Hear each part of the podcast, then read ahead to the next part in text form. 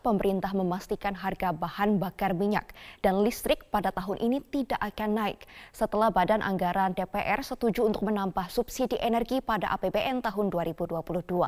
Peraturan Presiden mengenai tambahan subsidi energi ditargetkan rampung pada bulan Juli mendatang.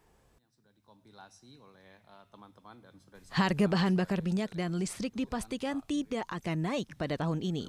Saat memaparkan kinerja APBN bulan April 2022, Menteri Keuangan Sri Mulyani mengungkapkan pemerintah memutuskan menambah dana subsidi energi pada APBN 2022 untuk melindungi masyarakat dari gejolak kenaikan harga komoditas di pasar dunia.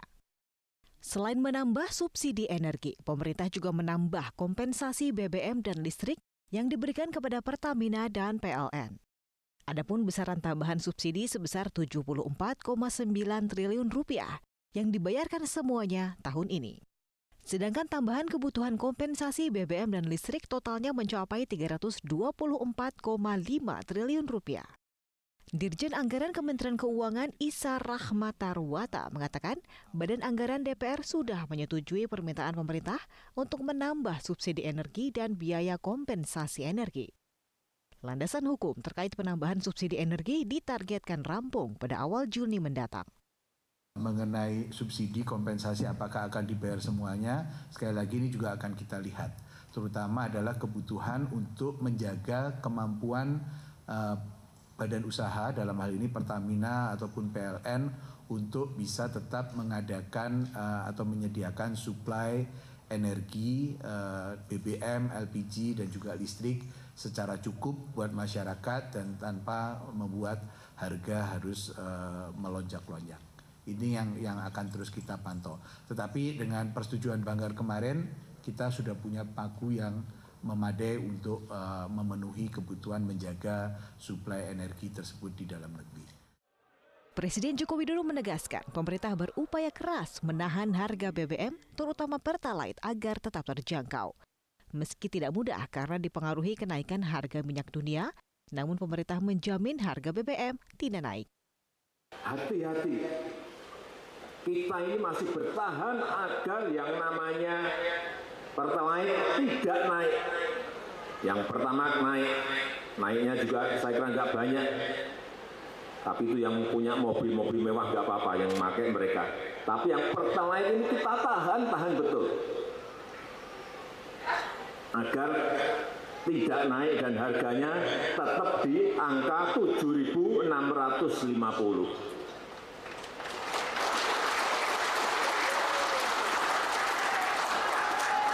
Padahal kalau saya lihat misalnya di Jerman bensin sudah 31 ribu, ya, hampir dua kali lipat. Di Singapura 32 ribu, di Thailand 20.800 ini kalau saya rupiahkan. Di Amerika 18.000 kurang lebih. Kita masih 7.650. Sebelumnya saat rapat dengan Badan Anggaran DPR, pemerintah melalui Menteri Keuangan meminta tambahan belanja sebesar 392,2 triliun rupiah dari 2.714,2 triliun rupiah menjadi 3.106,4 triliun rupiah. Tambahan itu akan digunakan untuk menambal tambahan subsidi BBM, LPG, dan listrik. Pemirsa, para Menteri Kabinet Kerja II terus mengampanyekan potensi ekonomi dan peran penting Indonesia dalam pemulihan ekonomi global. Penjelasan langsung kepada publik diharapkan mendorong aliran investasi masuk ke tanah air. Presidensi G20 Indonesia dan peran penting negeri seribu pulau ini dalam pemulihan ekonomi global bergaung kencang di Forum Ekonomi Dunia yang tengah berlangsung di Davos, Swiss. Dalam penjelasan pers di Davos, Menko Perekonomian Erlangga Hartarto menegaskan saat ini adalah momen emas untuk berinvestasi di Indonesia.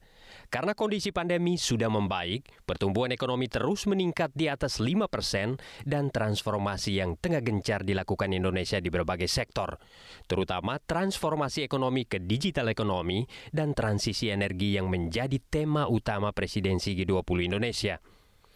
Selain itu, Indonesia juga kini menjadi champion Global Crisis Response Group yang berperan penting dalam mengatasi tantangan krisis pangan, energi, dan keuangan global akibat perang Rusia-Ukraina.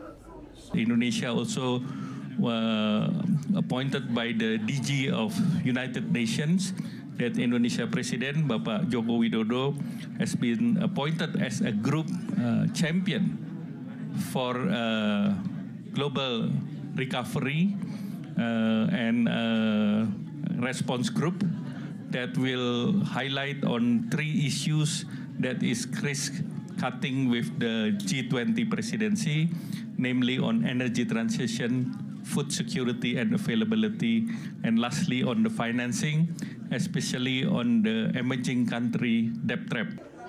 Sementara Menteri Investasi Kepala BKPM Bahlil Lahadalia menyatakan, Indonesia saat ini dan ke depan akan fokus pada isu global terkait green economy dan green industry. Bahlil menegaskan, Indonesia memiliki potensi besar untuk menopang pemulihan global yang berkelanjutan. Namun perlu kolaborasi untuk pulih bersama. Bagaimana Indonesia menyiapkan itu? Sudah menyiapkan dua kawasan industri terbaik sekarang. Satunya di Batang, di Jawa Tengah.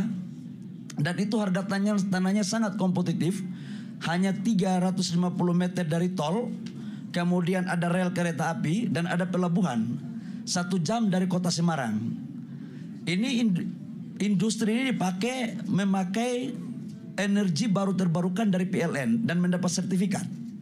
Yang kedua kita bangun di Kaltara. Ini adalah satu kawasan yang didesain akan jauh lebih akan jauh lebih baik dan besar. Dan ini cukup luar biasa sekali untuk dimanfaatkan. Nah, teman-teman, kalau mau datang, teman-teman investor, kami akan membantu secara maksimal untuk kita bisa kolaborasi. Sudah saatnya saya pikir kompetisi itu penting di antara negara-negara, tapi kolaborasi di antara negara-negara itu jauh lebih penting untuk kita menghasilkan satu output terbaik bagi dunia. Saat ini Indonesia selaku tuan rumah sekaligus ketua kelompok 20 negara ekonomi terbesar dunia G20 sedang memfasilitasi pembahasan sejumlah isu utama pemulihan ekonomi global yang berkelanjutan pasca pandemi. Isu-isu penting yang dibahas bertumpu pada tiga pilar utama, yakni arsitektur baru kesehatan global, transformasi ekonomi ke digital ekonomi, dan transisi energi. G20 diharapkan berkolaborasi untuk pulih bersama. Recover together, recover strong. Pemirsa, tiga proyek kawasan strategis pariwisata nasional KSPN Labuan Bajo, Manggarai Barat, NTT hingga kini terlantar karena tarik ulur pengelolaan antara Pemkap Manggarai Barat dengan Badan Otorita Pariwisata Labuan Bajo, Flores. Meski sudah diresmikan Presiden Joko Widodo pada 14 Oktober 2021 lalu, aset strategis pariwisata Puncak Waringin dan Batu Cermin Labuan Bajo hingga kini belum juga dioptimalkan. Demikian juga kawasan Waterfront City yang pembangunannya sudah rampung sejak akhir tahun 2021.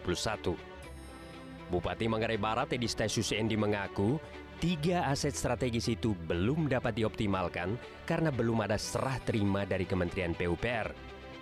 Menurut Bupati Edi, Puncak Waringin akan dijadikan pusat souvenir hasil kerajinan UMKM seperti tenun dan aksesoris, serta kawasan Batu Cermin sebagai pusat pertunjukan dan kegiatan pertemuan. Semua aset ini akan dikelola secara profesional oleh perusahaan daerah Manggarai Barat, Perumda Bidadari. Sedangkan zona 1, 2, dan 5 Waterfront City akan dimanfaatkan untuk UMKM dan kuliner khas Manggarai Barat dan Nusantara. Edi berharap pemerintah pusat segera melakukan serah terima ketiga aset tersebut agar bisa dioptimalkan untuk mendorong ekonomi masyarakat Manggarai Barat. Aset tanah itu punya pemerintah daerah, lengkap dengan sertifikat. Komitmennya jelas antara pemerintah pusat dengan pemerintah daerah. Setelah dibangun, diserahkan. Ya lagi-lagi ya harapannya semoga dalam waktu yang tidak terlalu lama aset-aset yang telah dibangun itu segera di diserahkan kepada pemerintah daerah untuk mengelola supaya pemberdayaan ekonomi rakyat bisa terwujud Sementara Direktur Badan Pelaksana Otorita Pariwisata Labuan Bajo Flores, Sana Fatina menyatakan, Pengelolaan tiga aset strategis pariwisata Labuan Bajo ini masih dibahas dalam rapat koordinasi pemerintah. Namun Sana memastikan aset yang telah selesai dibangun Kementerian PUPR akan dikembalikan ke pemiliknya masing-masing. Sedangkan Badan Pelaksana Otorita Pariwisata Labuan Bajo Flores hanya mengawal standar operasional, maintenance, dan pelayanan publiknya.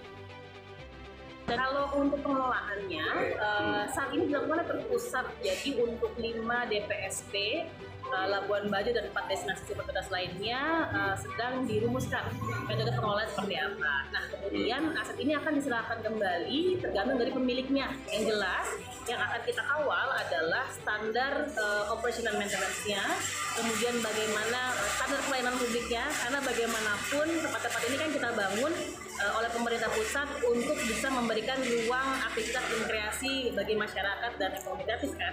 Harapan kami sebagai pelaku usaha, siapa pun yang nanti akan mengelola tiga lokasi tersebut, uh, pertama harus menghasilkan dampak yang signifikan atau dampak yang menguntungkan bagi pembangunan daerah.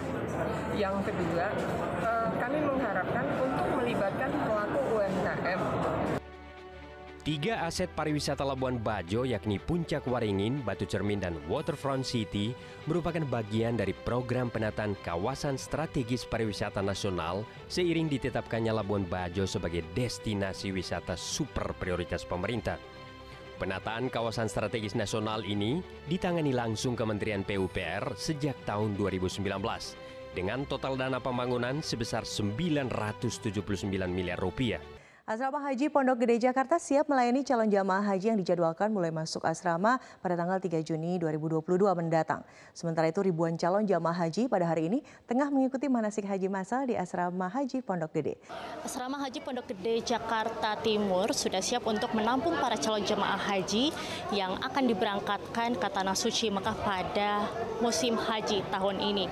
Berdasarkan wawancara yang kami lakukan dengan Kepala UPT Asrama Embarkasi Jakarta yaitu Bapak Munib Maksum.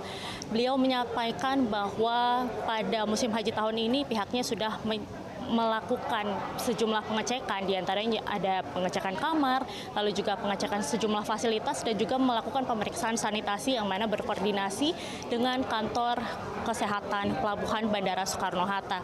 Dari pihak KKP Bandara Soekarno-Hatta juga sudah akan melakukan pemeriksaan sanitasi kembali yaitu yang akan direncanakan dilakukan pada tanggal 25 Mei 2022 untuk memastikan kembali bagaimana kebersihan di asrama haji ini agar para calon jamaah haji bisa aman dan nyaman saat menempati asrama haji sebelum diberangkatkan ke Tanah Suci. Sementara itu, rencananya juga akan ada lima gedung yang akan difungsikan atau yang akan digunakan untuk ditempati para calon jamaah haji di asrama haji Pondok Gede Jakarta ini, di antaranya di gedung D1, D2, D3, D4, dan juga di gedung E. Lalu juga ada gedung cadangan yang sudah disiapkan oleh Kementerian Agama, yaitu di gedung A, B, dan C untuk menampung para calon jamaah haji yang akan berangkat pada tahun ini. Sementara itu juga pada tahun ini di asrama Haji Pondok Gede akan melakukan atau melayani sebanyak 21 ribu calon jamaah haji yang mana berasal dari sejumlah daerah yaitu dari DKI Jakarta, Banten dan juga dari Lampung. Lalu juga kloter pertama ini akan diberangkatkan pada tanggal 4 Juni 2022 dan rencananya mereka akan tiba di asrama embarkasi haji di Pondok Gede Jakarta ini yaitu di tanggal 3 Juni 2022. Selain memastikan kesiapan dari asrama haji sendiri, para calon jamaah haji juga tidak lupa diberikan pembekalan melalui bimbingan manasik haji massal yang diselenggarakan pada hari ini yaitu di asrama Haji Pondok Gede Jakarta dan acara ini dilakukan dari pagi hingga sore nanti dan mana diselenggarakan oleh kantor wilayah Kementerian Agama DKI Jakarta. Pada kesempatan ini bimbingan manasik haji masal ini dilakukan agar para calon jamaah haji ini mengerti bagaimana tata cara ibadah pelaksanaan selama nanti uh, beribadah haji di tanah suci Mekah dan juga Madinah. Selain itu dari pihak maskapai penerbangan juga diundang sebagai narasumber untuk menyampaikan atau memberikan pemahaman terkait apa saja yang boleh dibawa dan juga yang tidak boleh dibawa sebelum atau selama penerbangan lalu juga apa saja yang mesti dilakukan selama penerbangan berlangsung saat di perjalanan menuju ke tanah suci.